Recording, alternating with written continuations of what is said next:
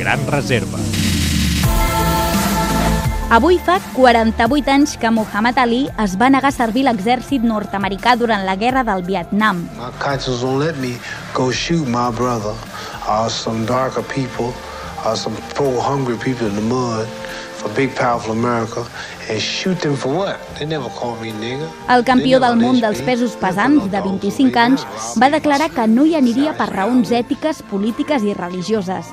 I aquell mateix dia li van retirar la llicència per boxejar i el van sentenciar a 5 anys de presó.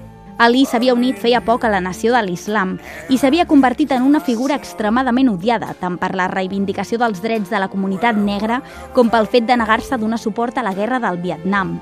Després de 3 anys sense poder competir, el Tribunal Suprem li va tornar a concedir la llicència per boxejar i li va reconèixer el dret de no servir l'exèrcit per motius religiosos. What a wonderful